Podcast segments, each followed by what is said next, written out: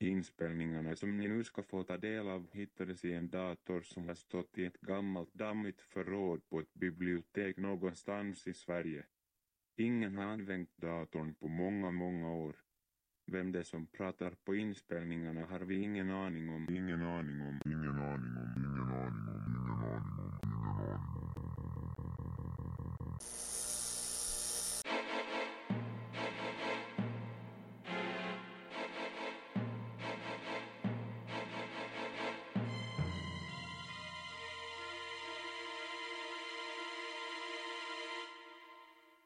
Mina vänner, idag tänker jag prata med er om märkliga syskon och underliga släktingar. Ah, jag kom just att tänka på en tjej som jag kände en gång. Hon hade en väldigt konstig bror. Alla var rädda för honom eftersom han var så vedervärdigt ful. Han såg grym ut. Liknade en ödla faktiskt. Och så sades det att han plågade och till och med åt katt. Det försvann en massa katter i grannskapet och alla trodde att det var tjejens bror som hade tagit dem. Och vet ni? De hade nog rätt. Ja, det var synd om den tjejen. Eh, sa jag förresten att hon var min syster? Mm. Hur som helst, nu är det dags för lite rysliga historier igen.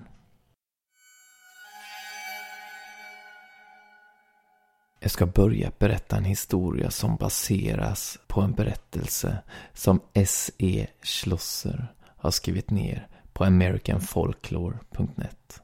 Från början är det en gammal vandringssägen. Det var bara jag och mamma. Det hade alltid varit så. Endast en släkting hade vi som vi kände till. Granny Tucker kallades hon. Hon var kusin till min mamma. Mamma talade dock aldrig om att besöka henne. Det sades nämligen att Granny Tucker var en häxa. Nyfiken som jag var blev jag med tiden mer och mer intresserad av att träffa Granny. Jag kunde ju bara föreställa mig hur en häxa såg ut. Slutligen tog jag mod till mig och frågade mamma om jag fick hälsa på Granny. Mamma blev alldeles likblek och fick samla sig i några sekunder innan hon kunde svara mig. Till henne kan jag aldrig låta det gå, sa hon sen.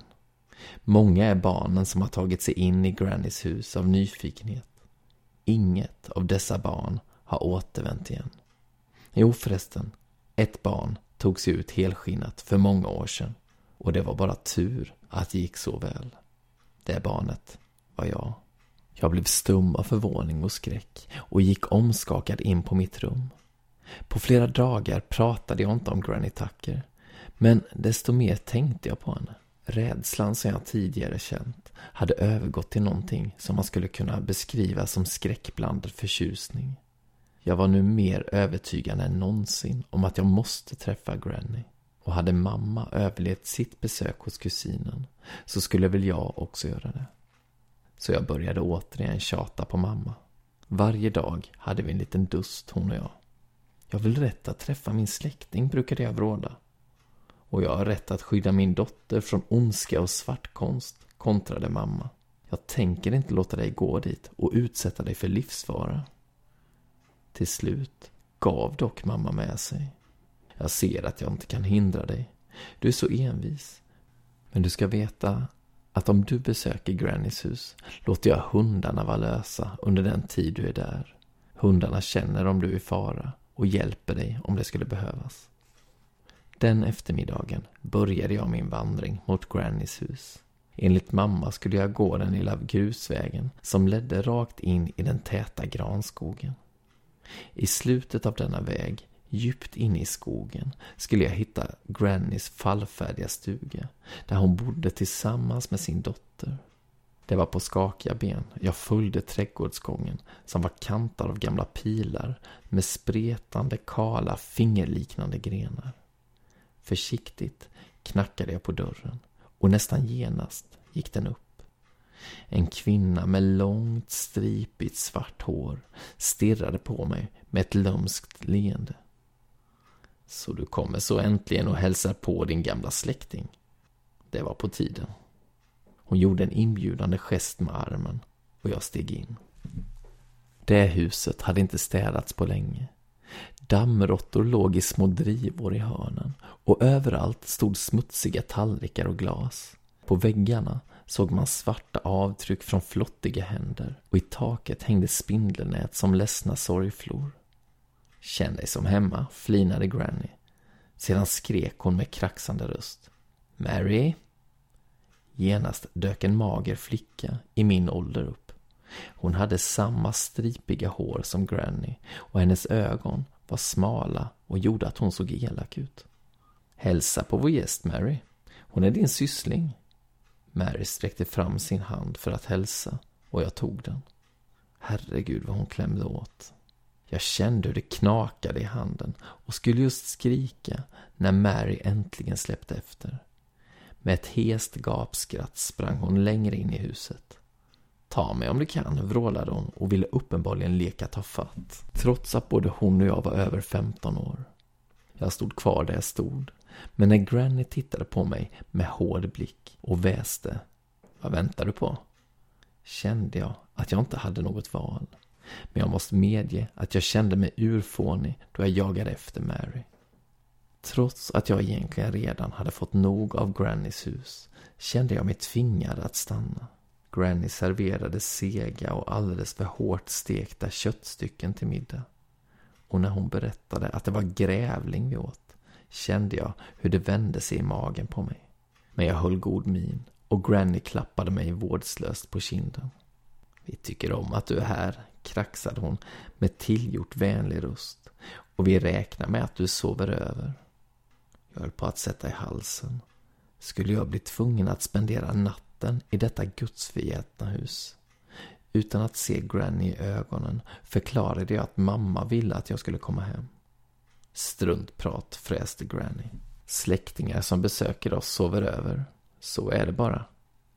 Jag nickade försiktigt och stirrade ner i bordet. Samtidigt hörde jag hur Mary fnissade bredvid mig. Granny bäddade åt Mary och mig på loftet.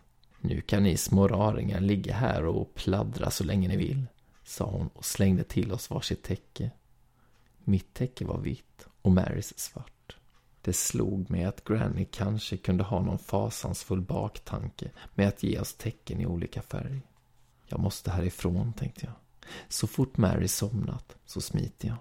Men det visade sig att det skulle dröja. Mary var inte den man småpratade med. Hon svarade inte på mina artiga frågor utan fnissade mest i svar. Och istället för att säga någonting sträckte hon sig då och då fram och nöp mig med sina kloliknande naglar. Jag hade snart fula märken över hela kroppen och på några ställen hade det gått hål. Till slut blev dock Mary stilla i sin säng. Jag väntade en halvtimme för att försäkra mig om att hon verkligen sov. Så la jag några stora kuddar i min säng. Dessa fick spela rollen som mig under resten av natten. Därefter tog jag försiktigt Marys svarta täcke och la över kuddarna. Mitt vita täcke bredde jag försiktigt ut över Mary. På vägen ut gick jag på tå för att inte väcka vare sig Mary eller Granny. Ändå hörde jag plötsligt steg då jag bara hade några meter kvar till ytterdörren och friheten. Skräckslagen såg jag hur Granny kom ut ur sitt sovrum med en väldig yxa i handen. Jag kröp ihop i ett hörn och försökte göra mig osynlig. Och till min stora glädje tittade Granny inte åt mitt håll.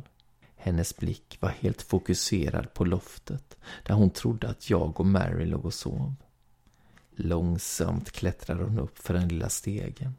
När hon koncentrerat och med stor möda klev upp på loftet såg jag min chans.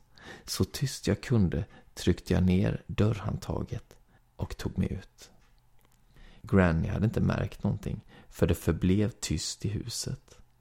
Aldrig har jag sprungit så fort som jag gjorde den natten. Våra hundar mötte mig på halva vägen. De hade kommit för att rädda mig, precis som mamma sagt att de skulle göra. Jag var alldeles utpumpad då jag kastade mig i famnen på mamma. När jag berättade för henne vad som hade hänt drog hon genast med mig ut i bilen. Vi åkte i många timmar och inte förrän på förmiddagen dagen därpå stannade vi i en liten stad långt hemifrån. Vi tog in på ett smutsigt motell och det var där då vi satt på den knarriga dubbelsängen som mamma berättade. Vi kan aldrig åka tillbaka igen, sa hon. Granny kommer att jaga oss tills hon hittar oss. Hon är ensam nu och hon kommer viga sitt liv åt att hitta oss. Du förstod väl vad du gjorde när du bytte Marys täcke, va? Grannys yxa skulle träffa dig där du låg under det vita täcket. Nu blev det inte så. En annan flicka blev offret istället. Grannys egen dotter. Mamma hade nog rätt om det mesta. Men att Granny skulle bli en fara för oss stämde inte. På kvällen satt vi på motellet och såg på tv då bilder från en brand visades. Ett hus hade brunnit ner till grunden. Allt tydde på att två människor omkommit i branden. En av kropparna som hittades hade dock skadats svårt av något vasst föremål. Polisen misstänkte mord. På tv visades hur två kroppar bars bort till en ambulans. Kropparna var övertäckta, men jag såg tydligt hur ett stycke av Grannys svarta klänning hängde ner från en av bårarna. Den var svårt bränd och gick knappt att känna igen, men jag var helt säker. Granny Tucker fanns inte mer. På sajten realunexplainedmysteries.com berättas en ganska hemsk och sann historia om två systrar. Systrarna hette Jacqueline och Joanna och var två vanliga flickor som bodde tillsammans med sina föräldrar John och Florence i Hexham i England. Den 5 maj 1957 var barnen på väg till kyrkan då en bil plötsligt kom emot dem. Föraren hade helt tappat kontrollen över fordonet och körde rakt på barnen i hög fart. Det ville sig inte bättre än att de båda systrarna avled. Joanna Pollock blev 11 år och Jacqueline bara 6.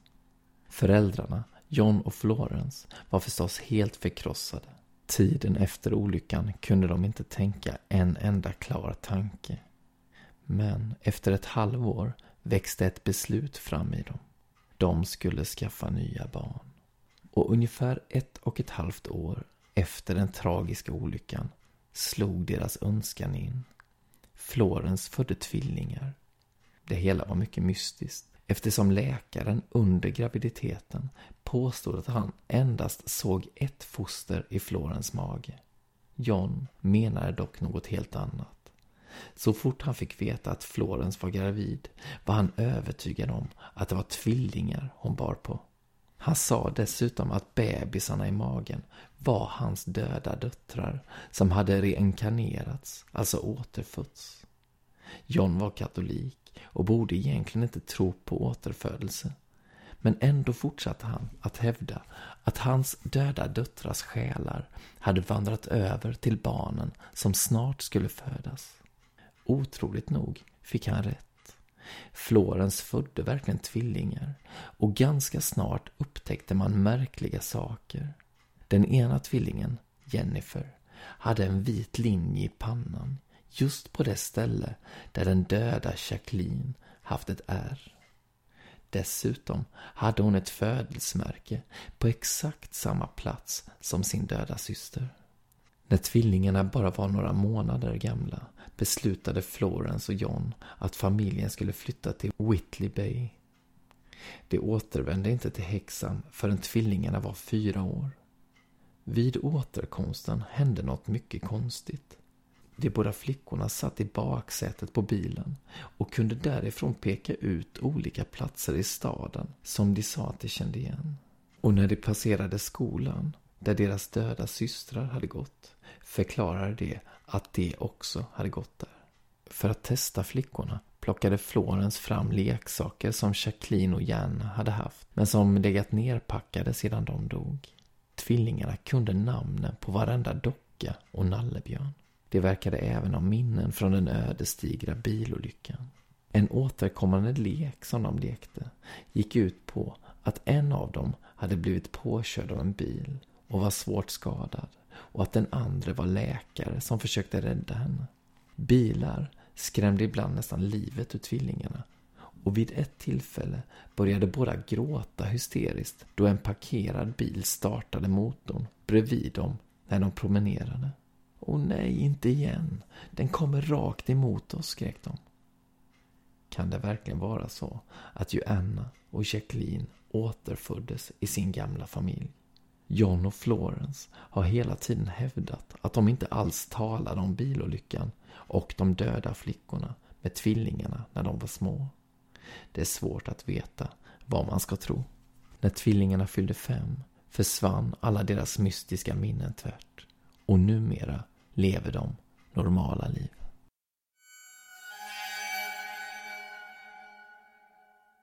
Nästa berättelse är skriven av Mårten Melin. Du hittar den bland annat i boken Typ helt övernaturligt. Den heter Aldrig förlåt. Jag sitter vid datorn. Jag spelar dataspel. The Sims. Det är roligt. Det var länge sedan jag spelade det. Då kommer Anton in. Anton är min brorsa. Vad gör du här? frågar han. Jag fortsätter att spela. Det här är faktiskt mitt rum nu, säger han. Jag säger inget. Jag säger till mamma och pappa att du sitter här. Gör du inte alls det, säger jag. Förresten ska jag gå nu. Jag låter datorn vara på. Jag går förbi Anton. Jag hör hur hans hjärta slår. Det slår fort. Han är rädd. Vi sitter vid bordet i köket. Anton, mamma, pappa och jag. Pappa har gjort pasta. Vi sitter tysta. Anton tittar på mig. Jag glor surt på honom. Han ser ner i sin tallrik. Han säger inget om att jag var på hans rum. Jag går in i mammas och pappas rum. Mamma står vid hyllan. Där finns ett foto på mig. Mamma ser på det. Hon börjar gråta. Pappa kommer in. Han stannar vid dörren. Han ser på mamma. Han säger inget. Bara vänder och går ut. Jag står kvar ett tag och tittar på mamma. Sedan går jag också ut. Jag går till garaget. Jag vet inte varför. Bilen är ny. Det är bara pappa som kör. Mamma vill inte köra längre. Jag drar med fingret längs bilens sida. Det är en fin bil. Röd. Jag sitter i Antons gamla rum. Min säng står här inne nu. Och mina saker är här. De flesta ligger i lådor. Jag har ingen lust att packa upp dem. Jag vägrar att sova här. Jag vägrar att kalla det här mitt rum.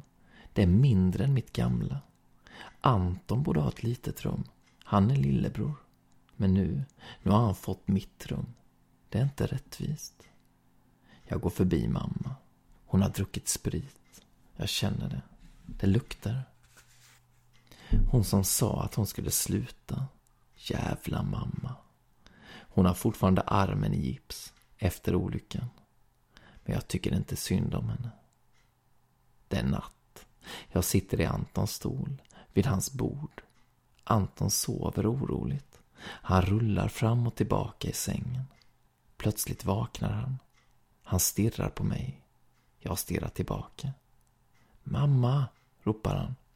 Jag suckar. Jag sitter kvar. Anton börjar gråta.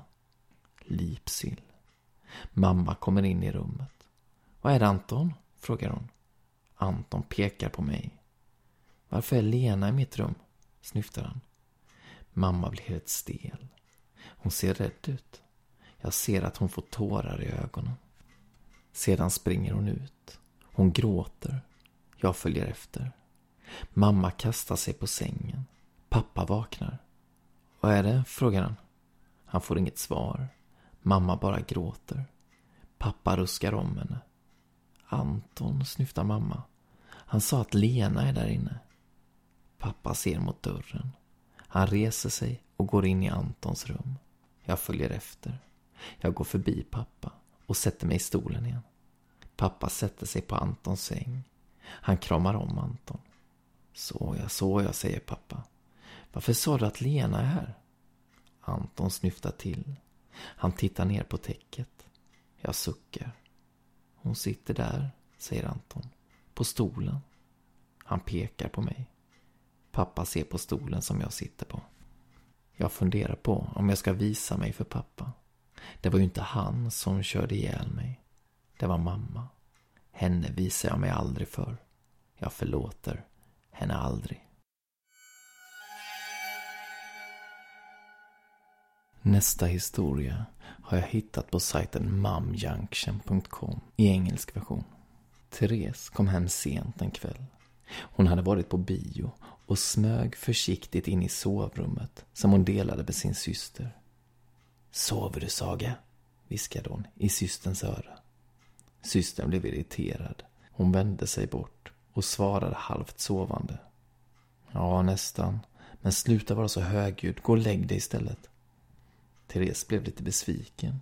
Hon hade hoppats få berätta om filmen hon sett för systern. Men det fick bli till att gå och borsta tänderna istället. När hon kom fram till toaletten visade det sig att dörren var låst. Vattnet skvalade där inifrån. Antagligen pappa som är uppe, tänkte Therese. Hallen där hon stod och väntade var mörk och hon hoppade högt då hon plötsligt insåg att någon hade kommit och ställt sig bakom henne. Det tog någon sekund innan hon förstod att det var hennes mamma som kommit ut i hallen. Varför står du här? frågade mamman. Ja, jag väntar på att pappa ska bli klar där inne, svarade Therese irriterat. Vad håller han på med? Mamma rynkade ögonbrynen. Men pappa ligger och sover. Det måste vara Saga. Therese stelnade till och skakade sedan på huvudet. Nej, nej, Saga sover också. Eller nästan i alla fall. Jag pratade just med henne. I det ögonblicket vreds låset om och handtaget till toalettdörren trycktes ner. Ut klev Saga. Nackhåren reste sig på Therese. Vem var det då hon just pratat med i sovrummet?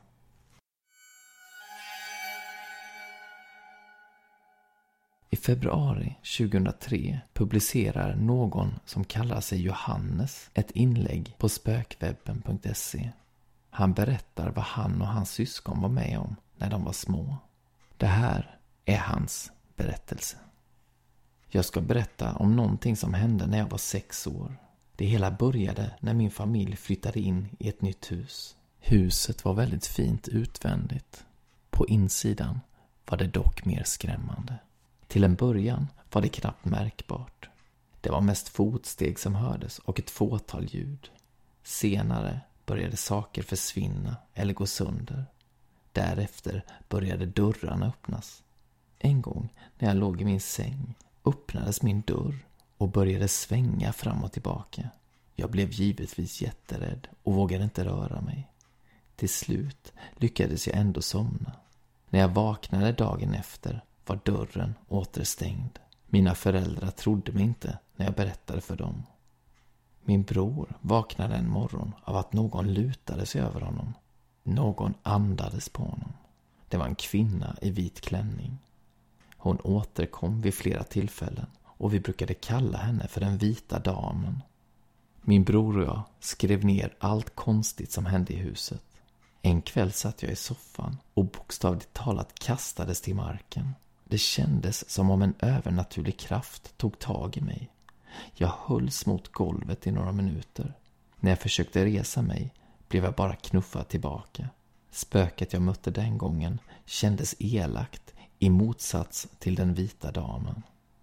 När min syster föddes blev allt lugnare. För ett litet tag.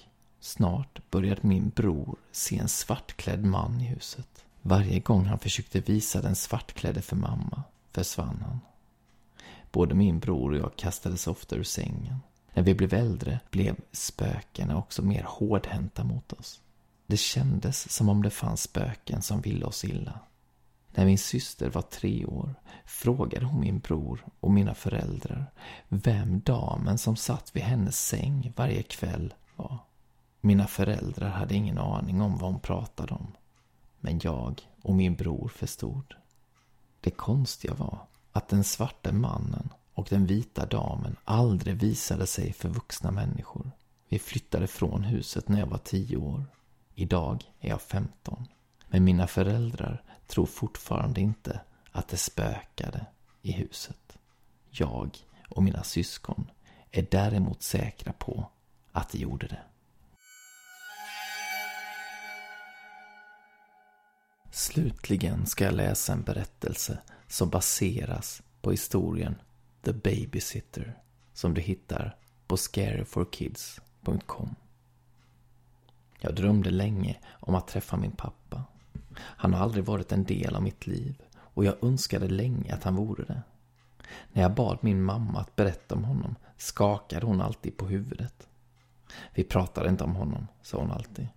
Vissa saker bör man inte lyfta fram i ljuset. Jag lovar att du skulle bli besviken om du fick veta vem han var. Jag hade alltid tusen frågor. Vad menar du med besviken?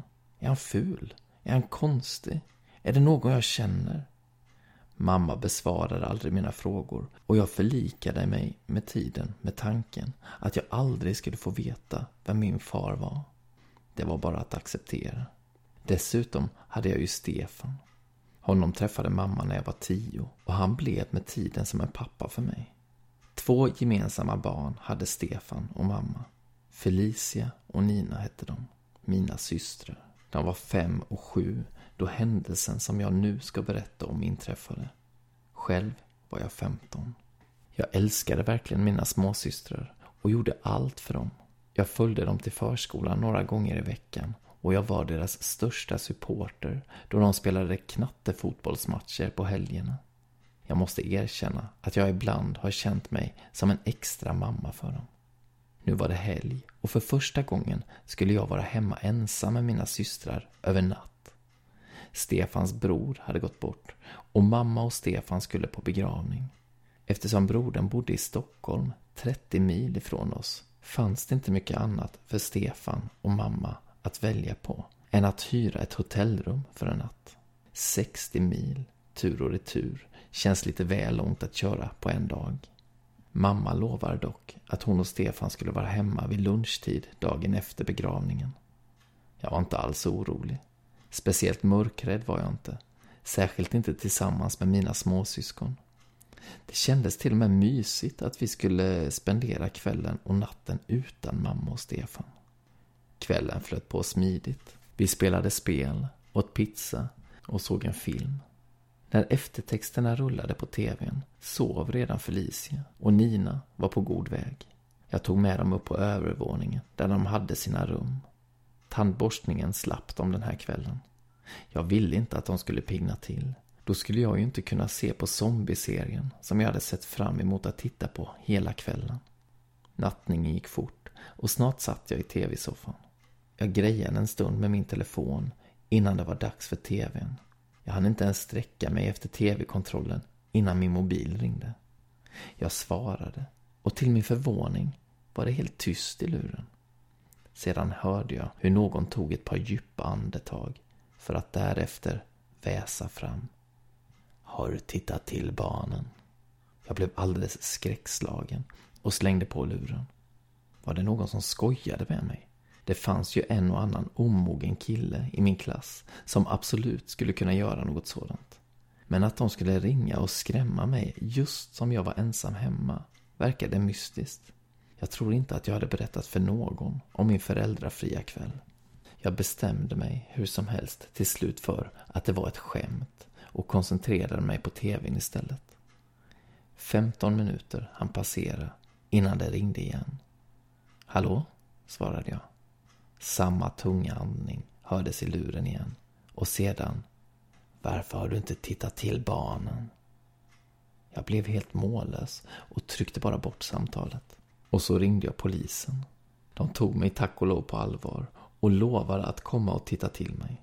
Men det skulle dröja en liten stund. Det var lördag kväll och mycket att göra.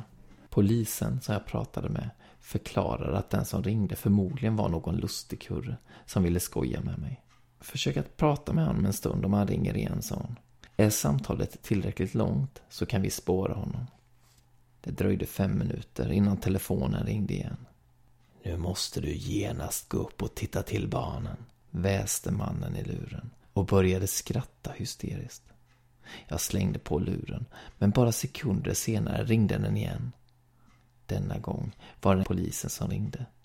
Ta dig ut ur huset genast, skrek hon. Vi har spårat samtalet. Mannen som ringer är någonstans i samma hus som du. Fjärrkontrollen till tvn låg på armstödet i soffan. Jag greppade den och sänkte snabbt ljudet. Till min förskräckelse hörde jag några dova dunsar från övervåningen. Det fanns verkligen någon där uppe, förutom mina småsyskon. Dunsarna blev högre och högre och jag förstod att någon var på väg ner för trappan. Så som jag sprang den kvällen har jag aldrig sprungit förut. Jag ville bara ut ur huset. Självklart var jag orolig för mina syskon, men nu var det tydligt att det var mig galningen var ute efter. I hallen, just innan jag skulle ta mig ut, vände jag snabbt på huvudet. Han var där, bara någon meter bakom mig. Han log. Ett onormalt, alldeles för stort leende. Ett leende som inte var vänskapligt. I den stunden visste jag, om han fick tag i mig skulle han döda mig. Jag kastade mig ut genom dörren. Mannen kom konstigt nog inte efter. I nästa sekund förstod jag varför. En polisbil hade just parkerat utanför och två poliser kom springande emot mig. En av dem tog hand om mig medan de två andra rusade in i huset. Man hittade aldrig mannen, trots att man snabbt sökte igenom huset. Han måste ha tagits ut på något sätt och flytt över grannarnas trädgårdar. Men mina syskon fann man tack och lov. De hade gömt sig i en garderob i mammas sovrum och var alldeles vettskrämda, men oskadda. De grät okontrollerat, men lugnade snart ner sig så att det gick att prata med dem. Mannen hade tagit sig in genom fönstret i deras rum. Han verkade snäll först, sa flickorna till mig. Han sa att han kände dig och ville överraska dig, förklarade Felicia. Men när han tog fram kniven blev vi rädda och sprang, hulkade Nina. Han gjorde sig illa i handen, fyllde Felicia i. Med flit. Poliserna nickade. Han ville lämna ett meddelande. Vad då för meddelande, frågade jag. En av poliserna reste sig. Följ med mig, nästan viskade hon och började gå mot trappan till övervåningen. I mina systrars rum var allt en röra. Saker låg slängda huller om buller och hela golvet var prickigt av blod. Han måste ha skurit sig ganska rejält, sa polisen. Men varför, frågade jag.